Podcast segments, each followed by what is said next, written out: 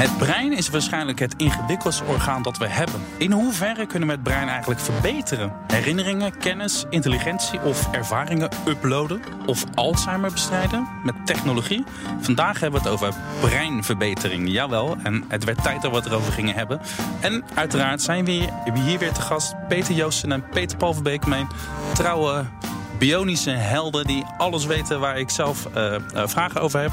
En natuurlijk kan je ook elke zaterdag weer meelezen in de, over de bionische mensen in het Financiële Dagblad. Peter Paul Verbeek, jij bent uh, hoogleraar filosofie van mens en techniek aan de Universiteit Twente en directeur van het Design Lab. Um, zonder dat ik mezelf en Peter nou eigenlijk tekort wil doen. Jij hebt waarschijnlijk het best ontwikkelde brein van ons drieën. Dat durf ik wel te zeggen. nou, um, één stukje van dat brein misschien. heb jij nog wensen voor verbetering? En heb ik het niet over de verbetering die je bereikt door uh, boeken te lezen. Oh, wauw. Nou, um, toch nog wel beter dingen kunnen onthouden. Dat lijkt mij uh, heel fijn. En wat ik ook wel graag beter zou willen kunnen is plannen. plannen? er zijn heel veel dingen waar mijn brein niet zo goed in is. En die toch best handig zijn in het dagelijks leven. Zou jij een, een chip willen aanbrengen die ervoor zorgt... een, een extra harde schijf die jou herinnert... Die ding, waardoor je beter kan onthouden... en misschien een, een agenda-functie willen toevoegen? Maar dat gaat dan wel weer heel erg ver. ik, ik, ik, weet niet of ik zo ver zou willen gaan. Maar als ik mijn brein een beetje zou kunnen beïnvloeden. met mooie magneetvelden aan de buitenkant. waar ik elke dag onder een droog kapje ga zitten.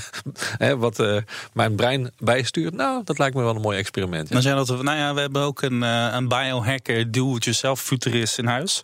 Peter Joost, ik zie jij hebt iets op je hoofd gemonteerd of op je bril gezet. Wat, ja, klopt. Ja. Dat wat is, is dat? Uh, dit is uh, een TINC, T-H-Y-N-C. En dat is een apparaat dat werkt met zogenaamde TADS. In ieder geval Transcranial Alternate Current Stimulation. En dat gaat eigenlijk in, uh, kort gezegd, om zwakstroom op je hersenen te zetten. Jij hebt nu, as we speak, ja. zwakstroom op je hersenen. Ja, en het zou ervoor moeten zorgen, maar dat kunnen luisteraars natuurlijk zelf beoordelen, dat ik nog, uh, nog scherper en uh, uh, nog scherper ben in deze aflevering. Maar hoezo, hoezo zou, je, zou dat jou scherper maken dan? Nou, als we, we weten eigenlijk nog niet zo heel veel over het brein, maar wel steeds meer. En een van de dingen die we bijvoorbeeld aan ons brein kunnen analyseren, is zogenaamde de hersengolven. Dus het maken van een analyse van, van hersengolven. En door middel van zwakstroom, maar je hebt bijvoorbeeld ook hersenen en je hebt ook geluidstherapie, kunnen we die frequentie van de hersenen aanpassen. En daarvoor wordt er nu redelijk, ja, het is nog redelijk grof, maar wordt geprobeerd om deze techniek te gebruiken om bijvoorbeeld uh, ja, meer concentratie of meer scherpte te krijgen. En heel veel gamers bijvoorbeeld gebruiken dit ook al. Dus als zij bijvoorbeeld in een, een schietspel doen en ze willen beter kunnen mikken of een snellere reactietijd kunnen doen, hebben ze al van dit soort setjes op om, uh, om, ja, om zichzelf eigenlijk te, te augmenten, hun mentale ja. capaciteiten te verbeteren. Nou ja, de, de, de luisteraars zullen aan het einde van de rit uh, we kunnen beoordelen of jij inderdaad uh, slimmer bent geweest dan in de eerdere afleveringen. Maar wat is jouw eigen ervaring tot nu toe? Uh, nou, ik heb als um, doe-het-jezelf futurist al een aantal dingen getest als het gaat om, om breinverbetering. Dus een van, de, van deze dingen vind ik, uh, de deze, methode vind ik heel erg interessant. Want je, ik heb ook een apparaat, die heb ik nu niet mee, waarmee je ook je hersenengolven kan meten. En ik gebruik dat om mijn meditatie te meten. Dus als je mediteert, dan kun je ook je hersengolven meten. En hoe beter je mediteert, dan kom je meer in, uh, mijn hoofd, de alfa hersengolven. Dus een wat lagere frequentie. En zoals wij nu aan het praten zijn, en waarschijnlijk de mensen die luisteren zitten meer in beta hersengolven. Mm -hmm. En met dat apparaatje kun je jezelf dus, uh, je krijgt op een hele makkelijke manier feedback of je in alpha zit of in beta zit. En dus daar heb ik mee getest. Maar dit is eigenlijk de versie dat je niet alleen kan meten, maar ook kan ingrijpen. Dus met dat, dat zwakstroom of magnetisme of met geluid. En een andere ding waar ik mee aan het experimenteren ben, is nootropics, oftewel smart drugs. Dus daar gaan we het ook nog over hebben in een van de volgende afleveringen volgens mij. Maar dat je ook farmaceutisch kan ingrijpen op je hersenen. Dus dat je kan proberen om je, ja. de, je neurotransmitters aan te passen. Zodat je, of creatief, ja, ja. doen het eigenlijk al met, met cafeïne drinken bijvoorbeeld. Ja. Maar ik denk dat het in de toekomst ook heel normaal wordt om bijvoorbeeld, net als wij nu koffie drinken, dat je dan nootropics slikt bijvoorbeeld. Ik ben, ja, daar gaan we het zeker nog over hebben. Dat is leuk. Peter Paul, jij ziet nu Peter naast je staan. Hij heeft een soort apparaat tegen de zijn slaap aangepakt prakt. Zit, wordt volgens mij via zijn bril op zijn plek gehouden. Stel nou dat jij zo'n ding uh, zou uh, moeten dragen, waardoor jij uh, inderdaad dingen beter kan gaan onthouden. Nee, het is niet invasief, het zit geen chip in je hoofd, alleen door een apparaatje tegen je slaap aan te drukken, kun je inderdaad beter onthouden. Vind je het interessant? Ik vind het interessant. Ik geloof alleen dat deze technologie toch wel behoorlijk omstreden is. Niet eh, ethisch omstreden, maar gewoon of het werkt. Eh, die hersengolven eh, die kun je ook beïnvloeden bijvoorbeeld met eh, neurofeedback. Hè. Dus je kunt ze meten en proberen door je te concentreren en te mediteren... die patroontjes op het beeldscherm aan te passen. Het is nooit echt aangetoond dat het heel effectief is. Het is misschien een klein beetje effectief. Dus ik weet niet of dit het beste voorbeeld is. Maar ehm, er zijn wel voorbeelden van magneetvelden op het brein... die bijvoorbeeld heel goed helpen tegen depressie. Of heel goed, enigszins helpen tegen depressie. Die ook al zijn geregistreerd als een therapie. En nou, in, in, in, dat geval zou ik eerder geneigd zijn om dat te gaan doen. Omdat er dan Ja. ook meer wetenschappelijke basis voor is. Nou, gaan we het zo over hebben. Ik wil eerst even naar Elon Musk. Ja, eh, het is onvermijdelijk. Zijn naam is gevallen. Ja, die man die duikt overal op. Of hij nou in Thailand zit of in onze Bionic Man podcast-serie. Hij zegt dat we cyborgs moeten worden in de toekomst. Eh, mensen, als wij als mensheid eh, willen voortbestaan en we willen eh, leven in een wereld waar kunstmatige intelligentie heel dominant wordt, dan zullen wij kunstmatige intelligentie toe moeten voegen aan ons brein om mee te kunnen blijven komen en om misschien wel controle te kunnen blijven houden over die kunstmatige intelligentie. Ja, eens? Nee. Nee? Ik, ik, eh, Ja. ja. Maar eerst jij. Het zou misschien kunnen, maar ik denk dat er een soort beeld achter eh schuil gaat van de techniek die de mens aan het inhalen is. En dan moeten wij die techniek zien bij te houden. Daarmee plaats je de techniek helemaal tegenover de mens. Alsof die techniek een soort eigen leven leidt en dan hobbelen wij daar maar een beetje achteraan. Die kunstmatige intelligentie die we aan het ontwikkelen zijn, die zijn wij aan het ontwikkelen. En die kan inderdaad allerlei dingen die wij nog maar nauwelijks kunnen bijbenen. Maar de geschiedenis van de mensheid is een geschiedenis waarin we onszelf die dingen steeds toe-eigenen, leren omgaan daarmee. Het feit dat een medisch expertsysteem veel beter kan detecteren of iemand kanker heeft dan, eh, dan een arts, betekent dan niet dat de, arts dus ook eh, eh, AI in zijn brein moet implanteren, maar dat hij moet leren omgaan met die AI. Dus pas als het zo hard zou gaan dat we dat zelf op, op, op eigen kracht niet meer kunnen, dan zou je kunnen zeggen, ja, dan wordt het een soort bril die je nodig hebt om nog te kunnen lezen. Heb je misschien kunstmatige intelligentie in je brein nodig om met die om te gaan. Maar dat stadium hebben we nog lang niet bereikt. Peter? Ja, nee, ik ben het wel eens met, de, met het aantal voorwaarden die Peter Paul schetst. Maar ik vind het in ieder geval heel fascinerend. Ik heb binnen het hele domein van eh, specialisten binnen kunstmatige intelligentie wordt ook een heel verhit debat gevoerd over wanneer hebben we dan die superintelligentie. Want dat is eigenlijk de, het pleidooi wat Musk maakt van ehm, op het moment dat we superintelligentie hebben, zijn we als mens zelf niet meer in controle. Dus je hebt drie scenario's. Eén is dat nou, dat superintelligentie ons overneemt. Twee is dat we als mens als het ware nog soort van controle hebben over superintelligentie. En de derde is, wat volgens hem onvermijdelijk is, willen we niet ingehaald worden. Superintelligentie is dat we echt cyborgs moeten worden en moeten versmelten. En ja, ik vind dat een, eh, een fascinerende gedachte. En het is niet zo dat dat volgend jaar is. Volgens mij is het bedrijf waarin hij eh, investeert, Neuralink. Maar je hebt ook andere bedrijven zoals Kernel. Die hebben meer een, een visie over. Hè, we hebben dat over, eh, over 50 of 100 jaar. En we zullen het waarschijnlijk eerst in. Dat is een terugkerend thema in de podcast. Eerst in, in medische toepassingen vinden. Maar ja, ik vind dat wel. eh, ik zou dat wel tof vinden als je direct toegang hebt tot kunstmatige intelligentie. Of, en in zekere zin hebben, eh, besteden we al veel dingen uit. Hè, aan, aan, als je kijkt naar, naar mijn smartphone. Wacht even hoor. Volgens mij werkt het apparaat, Peter Paul. Denk, denk je ook niet? het werkt, hè? Ik begin wel. eh, Ja, goed, maar ga door. Als je kijkt naar je smart, ik probeer even van je apropos te krijgen of die, Ja, of die ja, ja, dingen nee, dat niet, hoor. Dat, nee, eh, nee, ja.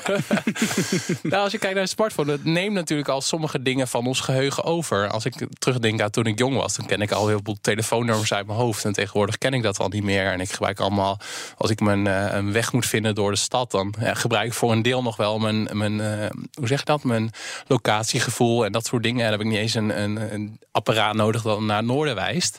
Maar daar gebruiken we nu ook al onze smartphone voor. Dus we eh, outsourcen al heel veel van ons eigen denkproces aan een smartphone. Ja, en als we dat combineren met andere, dus andere ontwikkelingen, dat de techniek steeds kleiner wordt en dat kunstmatige intelligentie steeds belangrijker wordt. Denk ik dat er heel veel mensen, zoals Elon Musk, met veel belangen, met veel geld, misschien ook commerciële belangen, gaan proberen om dat te gaan, ja. gaan vermengen met elkaar. Ja. maar dit laat volgens mij precies zien dat je nog niet meteen die stap hoeft te zetten naar het daadwerkelijk fysiek implanteren ervan. Net zoals een bril ook niet impliceert dat we met z'n allen kunstlenzen moeten implanteren. Ook al zijn we dat misschien gaandeweg wel een beetje aan het doen. Denk ik ook dat het outsourcen van dingen ons in zekere zin dus ook dommer maakt, zou je kunnen zeggen. We kunnen minder onthouden dan vroeger sinds we dingen zijn gaan opschrijven. Maar dat betekent dus dat we juist altijd al cyborgs zijn geweest. Dus in die zin vind ik het ook een beetje oud nieuws van Musk. Dat hij zegt, moet allemaal cyborgs worden. Ik denk, je, hebt niet opgelet. Want sinds het begin waren we al cyborgs. En dat is een proces wat je stapje voor stapje moet doorgaan. En waarvan je niet nu al moet zeggen, nou, we gaan AI in de mens implanteren. Nou, ik, ja, ik wil even weg nu bij de vraag of we het moeten doen om de kunstmatige intelligentie te kunnen bijbenen. Maar dat is, nou ja, er zijn natuurlijk wel duizend andere redenen ook waarom we het wel of niet zouden moeten doen. Zou het kunnen? Zou het kunnen om, een, om iets in je, in, je, in, je, in je hoofd te implanteren, waardoor je inderdaad herinneringen kan uh, toevoegen, of je intelligentie kan vergroten, of, uh, of een agendafunctie kan toevoegen? Uh, zou het hoe, ver zijn we daarmee? Er wordt nu al mee geëxperimenteerd. In Twente, waar ik zelf werk, is een hoogleraar nanoelektronica bezig met een heel klein chipje op nanoschaal. Dat kunstmatig intelligent is, op een heel andere manier werkt dan een gewone chip. Eigenlijk een soort evolutionair leerproces doorgaat. En dat gaan ze nu implanteren bij ratten om te kijken of je die intelligentie van die chip kunt toevoegen aan de intelligentie van die rat. Het staat nog in de kinderschoenen, want het ding werkt alleen maar bij extreem lage temperaturen. Dus er rijdt een enorme koelkast achter die rat aan. Het functioneert nog niet echt rijp voor de markt, zeg maar. Maar dit is denk ik wel een toekomst die we aan het inslaan zijn. En je zou je kunnen voorstellen dat mensen die bijvoorbeeld door Alzheimer hun geheugenfunctie enorm verloren hebben, dat je die misschien iets van hun geheugenfunctie terug zou kunnen geven op lange termijn. Dus nog lang niet in beeld, maar via zo'n zo'n chip. Wat, wat weet jij, Peter eh, Joosten, hierover? Uh, ja, jij, jij, leest natuurlijk veel over dit soort. Wat, praat ons even bij. Wat, wat kunnen we al? Of nou, wat, als we het hebben over de hersenen, is dat eigenlijk wel een, een van de organen in ons lijf die we eigenlijk nog het minst goed begrijpen. En dan hebben we nog niet eens gehad over de plek van ziel of bewustzijn uh, in ons, uh, ons brein bijvoorbeeld. Maar je hebt het, het genoom is eigenlijk onze set aan, DNA, onze, ons besturingssysteem. Maar datzelfde hebben we dus ook van onze hersenen. Dat is het zogenaamde connectoom. Dat zijn alle verbindingen tussen de, uh, van de synapsen tussen al onze neuronen. En er wordt nu heel veel onderzoek gedaan naar de werking van dat connectoom en het analyse daarvan. En als we terugkijken, in ieder geval als we ook kijken naar het genoom, dat gingen we eerst mhm. analyseren en dan gaan we nu op ingrijpen. Dan zien we hetzelfde eigenlijk ook met het connectoom. Dus dat we dat nu eerst aan het analyseren zijn en nu gaan we kijken van oh, kunnen we dat ook wijzigen, bijvoorbeeld voor in instantie ziektes, uh, Alzheimer, uh, Parkinson of andere neuroziektes. Uh, en ja, de volgende stap kan inderdaad zijn dat we dat ook gaan, op gaan ingrijpen om ons te verbeteren. En ook als we het voorbeeld hebben van Peter Paul. ik weet inderdaad dat er ook al een soort van. we hebben het vorige aflevering gehad over een pacemaker die de mhm. sinusknoop vervangt. Maar dat je ook een soort van brain pacemaker hebt die nu al wordt ontwikkeld.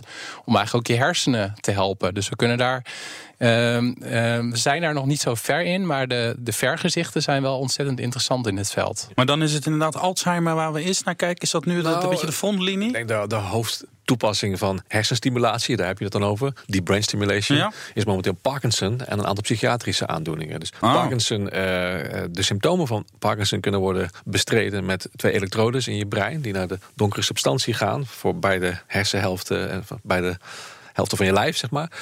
En uh, dat stimuleert de aanmaak van uh, een bepaald stofje in je, in je bloed, dopamine. Waardoor je spieren weer ontspannen en je weer kunt lopen. Maar dat stofje is ook een stofje waar je je heel goed van voelt. Dat komt vrij als je alcohol drinkt, als je seks hebt. Veel dopamine betekent je heel goed voelen. Heel veel dopamine betekent soms dat mensen er manisch van kunnen worden. Dat ze ook als het ware een andere persoonlijkheid kunnen krijgen dan ze eerst hadden. En andere keuzes maken dan ze zouden hebben gemaakt zonder dat implantaat. Dat is best wel heftig. Dat zijn er al resultaten? Zijn er al casussen waarbij dat goed of niet goed uitpakt? Ja, er is een uh, casus uh, uit het ziekenhuis in Leiden van een man die geïmplanteerd is op deze manier. En die inderdaad manisch werd, uh, buitenechtelijke relaties ah, maar hij was van zijn Parkinson. Dat was echt een Parkinson-patiënt? Ja, dat was een man die al heel ver voor het stadium van Parkinson had... niet meer reageerde op medicatie en dus helemaal rolstoelafhankelijk was. Wauw. Uh, en uiteindelijk, dankzij die ingreep, weer gewoon zijn leven kon oppakken. Maar wel een- als een andere persoon dan hij, dan hij eerst was. Oh. Uh, dus heel veel geld ging uitgeven, buitenechtelijke relaties ging aanknopen. Eigenlijk niet meer de oude man was die hij ooit was. Tot hij uh, door een auto-ongeluk, meen ik, opeens dat ding een keer moest uitzetten. En dan keer je als het ware binnen een minuut weer terug naar je oude staat. En zit je weer als het ware ja, helemaal stijf in je, in je stoel. Ook Jeetje. weer met de persoonlijkheid die je eerst had. Je ziet je leven aan scherven liggen. Uh, en denk, ja, wat ga ik nu doen? Ga ik door in het lichaam waarin ik wil zitten? Of ga ik door als de persoon die ik wil zijn? Zo. Dus, uh, maar even een voorbeeld om aan te geven dat het, het, het, klinkt altijd heel mooi om onszelf te upgraden. Maar er zit ook nog steeds een hele ja, zeg maar kwetsbare kant aan ons. Die je ook meeneemt in dat verhaal. Maar kunnen ze daar de scherpe randjes niet van afhalen? Dus dat je wel van je Parkinson af bent, maar dat je niet ineens. uh, Ja, ja, deze man uh, is, is uiteindelijk heeft hij ervoor gekozen om zich te laten opnemen in, uh, in een ziekenhuis, in, in de gesloten afdeling van een psychiatrisch ziekenhuis, waar ze hem moesten behandelen als hij manisch werd. Ah, dus hij heeft wel de therapie genomen, maar dan wel uh, Ja. binnen, binnen een gesloten inrichting. Ja, en uiteindelijk dan ook weer, ik, ik weet niet precies hoe het is afgelopen, maar Nee. aan als die medicatie aanslaat dat ze je niet meer hoeven, hoeven vasthouden. Maar het leidt ook tot heel lastige vragen, want wanneer verklaar je iemand ontoerekeningsvatbaar en sluit je iemand op? He, je kunt ook een argument geven dat door Parkinson mensen vaak somberder zijn. En misschien eh, met die Parkinson in hun lijf op een somberdere manier inschatten waar ze nog toe in staat zijn als ze dat implantaat hebben, dan wanneer het implantaat aanstaat. Dus wie is de echte persoon? Zeg het maar. Ja. Jeetje. Ja. Parkinson, hè, uh, Alzheimer zoeken we ook constant naar uh, oplossingen. Zijn we volgens mij ook nog niet helemaal uit. Depressies, Ja, dwangstoornissen. psychiatrische aandoeningen. Damian Denies, uh, heel bekende psychiater uh, van het AMC hier in, Amsterdam, uh, werkt heel veel met dit soort technologie bij mensen die eigenlijk niet meer reageren op andere therapie. Uh, met ook hele interessante effecten overigens. Hè. Ik heb hem wel eens horen uitleggen dat mensen die die behandeld voor dwangstoornis, uh, met een implantaat in het brein, opeens ook van allerlei verslavingen af blijken te zijn. Waardoor je ook weer een verband gaat leggen tussen dwangstoornis en verslaving. Wat ook weer zijn weerslag kan hebben op de manier waarop je gewoon pratend therapie geeft. En dus opeens zie je doordat je in het brein ingrijpt een ander patroon en kun je ook beter snappen hoe bepaalde ja, zeg maar, psychische fenomenen werken. Ja. Heel, heel interessant. Zo. Ik vind het wel bizar, hè? ingrepen in het brein. Ik, ik ben daar een beetje bang voor, Peter. Jij Ja, niet? ja, dat is. Help me even, waarom hoef ik daar niet bang voor te zijn? Nou, ik, ik weet niet of ik je daarmee kan helpen, Robin, om je van die angst eh, af. Want ik, want ik zelf heb dat ook hoor. Dus ehm, we hebben het natuurlijk eerder gehad over die chip in mijn hand. En eh, als ik denk van ja, een chip in, in je brein, dat lijkt me wel heel. eh, kijk, op het moment dat, dat je inderdaad eh, een aandoening hebt als ziekte van Parkinson en, en, je wordt daarbij heel erg geholpen, dan kan ik me dat wel voorstellen. Maar om dat inderdaad vrijwillig te doen, dat, eh, dat, gaat, dat vind ik nog wel heel erg spannend. Los van de vragen waar wat Peter Paul eerder ook al op wierp van. Ja, stel je voor dat we iedereen in deze wereld een, een breinimplantaat willen geven. Dan hebben we ook nog wel wat, wat, wat ja, logistieke problemen, zeg maar. om ook toegang te hebben tot, eh, tot de hersenen. Ja. Dus, ehm, het, ja, dus en, en wat ik heel interessant vind aan de casus die eh, Peter Paul net beschreef, is van dat we. Ik eh, moet vaak denken aan, aan een soort van Rubik's Kubus. Dus we kunnen wel aan één ding wijzigen, maar weten we dan wel wat de effecten verderop zijn als je inderdaad Ja, je dat- gedrag aanpast of dat, dat soort dingen. Blijkt wel uit die casus die Peter Paul net beschrijft. Ja, Maar goed, stel nou dat we erin slagen om daar de scherprandjes af te krijgen. Dus we kunnen inderdaad eh, mensen met eh, Parkinson, Alzheimer, eh, dwangstoornissen, depressie op deze manier helpen. Dan is niemand daar tegen, toch?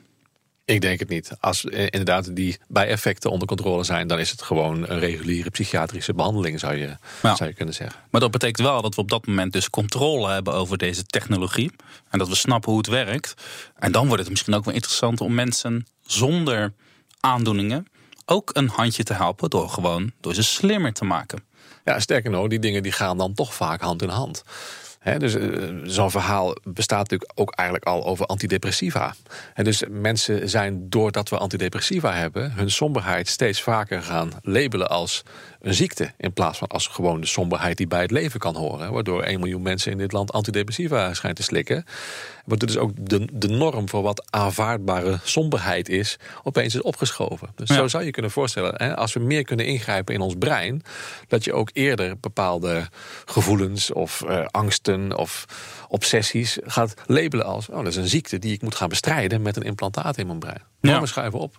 Ah, dus, dat, die, dus die norm gaat verschuiven. Hè? Dus dan wanneer we een, iets als een probleem ervaren. Maar ik zat natuurlijk gewoon meer te denken aan mensen die. Uh, uh, even los van de norm wel of geen probleem hebben.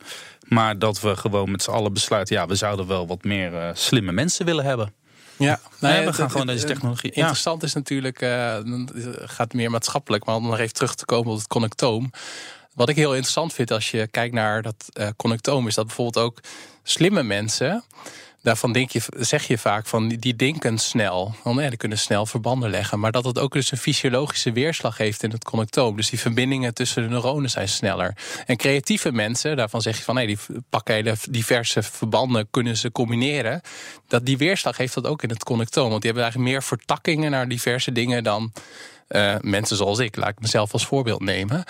En uh, als we het hebben over maatschappelijke impact, uh, ze hebben ook analyses gedaan gemaakt van, uh, van hersenen bijvoorbeeld van psy psychopaten. En die hebben ook een minder ontwikkelde prefrontale cortex, denk ik. Mm -hmm. En dan wordt het wel interessant van hoe, hoe ver gaat dat bijvoorbeeld ook een rol spelen in, in de rechtszaal? Of gaan we dat op een gegeven moment ook besluiten op het moment dat iemand het heeft om daar al voorzorgsmaatregelen op te nemen. Dus ook meer, hoe meer we weten over de hersenen en een link met gedrag of met, met stoornissen, hoe eerder ook de neiging komt van misschien individuen, maar misschien ook wel van de maatschappij of van, uh, van, van zorginstellingen om daar dan ook al preventief of achteraf op in te grijpen. Of dat de rechter zegt van uh, we gaan, jij bent een psychopaat, we gaan ingrijpen in jouw brein. Ja, dat, uh, dan kom je inderdaad bij hele uh, akelige scenario's terecht misschien. Hè? Dus inderdaad, de gedachte dat je mensen zou moeten veranderen, die kennen we al heel lang. Hè? Mensen krijgen niet alleen maar celstraf, maar ook TBS. En ja. we moeten dan gedwongen in therapie om het betere mensen te maken. Dat is een, een van de pijlers van. Dat vinden we heel normaal, toch? Dat vinden we heel, heel dus je zou kunnen zeggen, nou, de manier waarop we die mensen beter mensen maken, schuift langzaam op van praten en dat soort therapie naar uh, in het brein ingrijpen. Maar ja, maar als TBS, wat, wat vaak volgens mij een proces van jaren begeleiding en therapie is.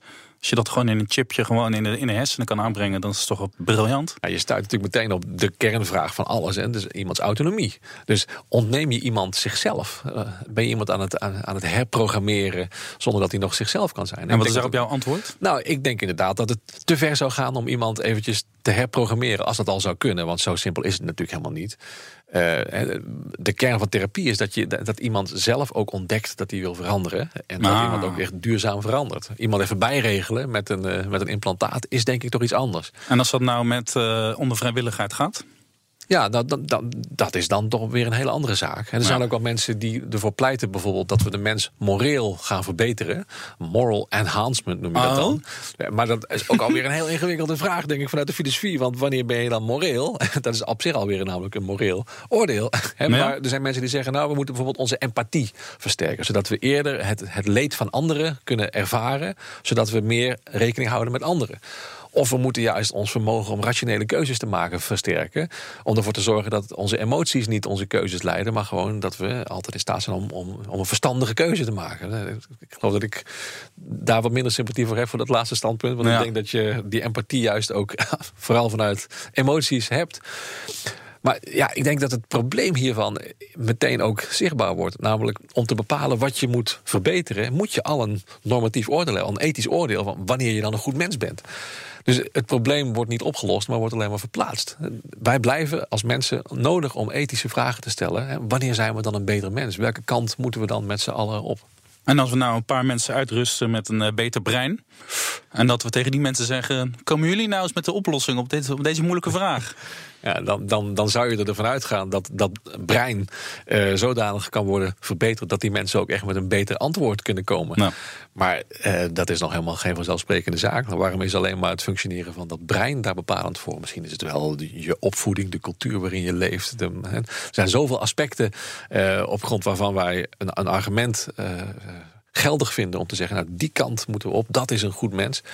Dat je dat niet kunt herleiden tot het functioneren van het orgaan in het lichaam van een paar mensen, het brein.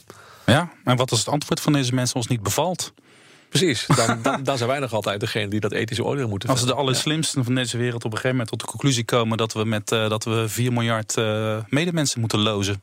Ja. Omdat dat beter is voor de toekomst van ons allemaal.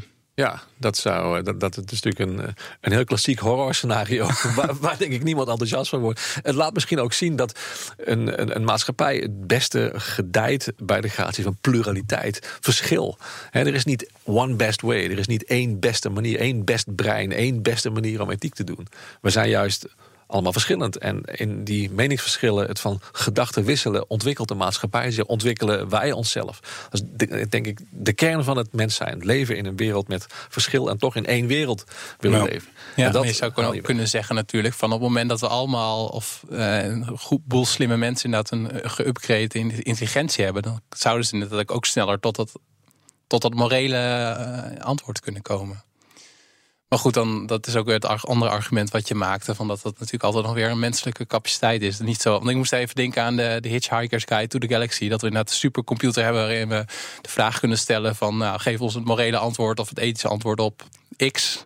Ja. En dat we er dan komen. Maar eh, Dan, dan komt er een antwoord uit wat ja, wat je niet meer begrijpt. 42 toch? Ja. 42, ja. Oké, tot slot. Ehm, we zijn het er dus over eens dat we mensen met eh, Alzheimer, epilepsie... Er valt een eh, camera op de grond hier. En uh, dwangstoornissen moeten gaan helpen of kunnen gaan helpen. En daar zijn we het over eens. Peter Paul, wie zullen de eerste andere gebruiken? Of Peter Joosten, sorry. Ja, allebei Peter. Het is wel lastig allemaal weer. Wie zullen, de, wie zullen de andere mensen zijn? Zijn dat types zoals jij, de avonturiers en de pioniers? Of... Eh, ik denk dat de eerste mensen zullen zijn. eh eh, het is ook wel een groep waar we het eerder in deze podcast over hebben gehad. eh, eh, het Amerikaanse, of het Amerikaanse leger. Het leger, denk ik. Dus in ieder geval de DARPA, onderdeel van het Amerikaanse leger. doet ook al bijvoorbeeld testen met, met een technologie over dat, dat TCDS. Dus hun scherpschutters worden testen meegedaan om ze zwakstroom op de hersenen te zetten. Zodat ze snelle reactietijd hebben. Zodat ze beter nauwkeurig kunnen schieten. Dus je gaat wel naar een soort van, denk ik, ook op dit trein, naar misschien naar een soort van. En ik, als ik het woord uitspreek, krijg ik al een beetje de rillingen. Een soort van super soldiers toe. Die eh, ja, misschien snellere, betere eh, brein hebben eh, dan, dan de reguliere mensen. En misschien krijg je dan ook snel, wat je ook al ziet als we het hebben over die nootropics.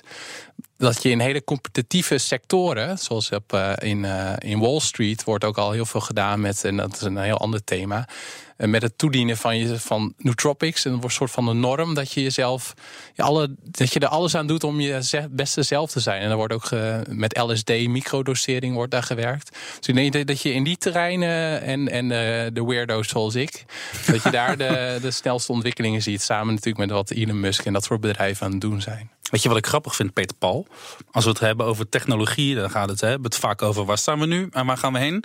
En we komen eigenlijk elke keer tot de conclusie dat we in eerste instantie ziektes en mankementen willen oplossen aan de mens.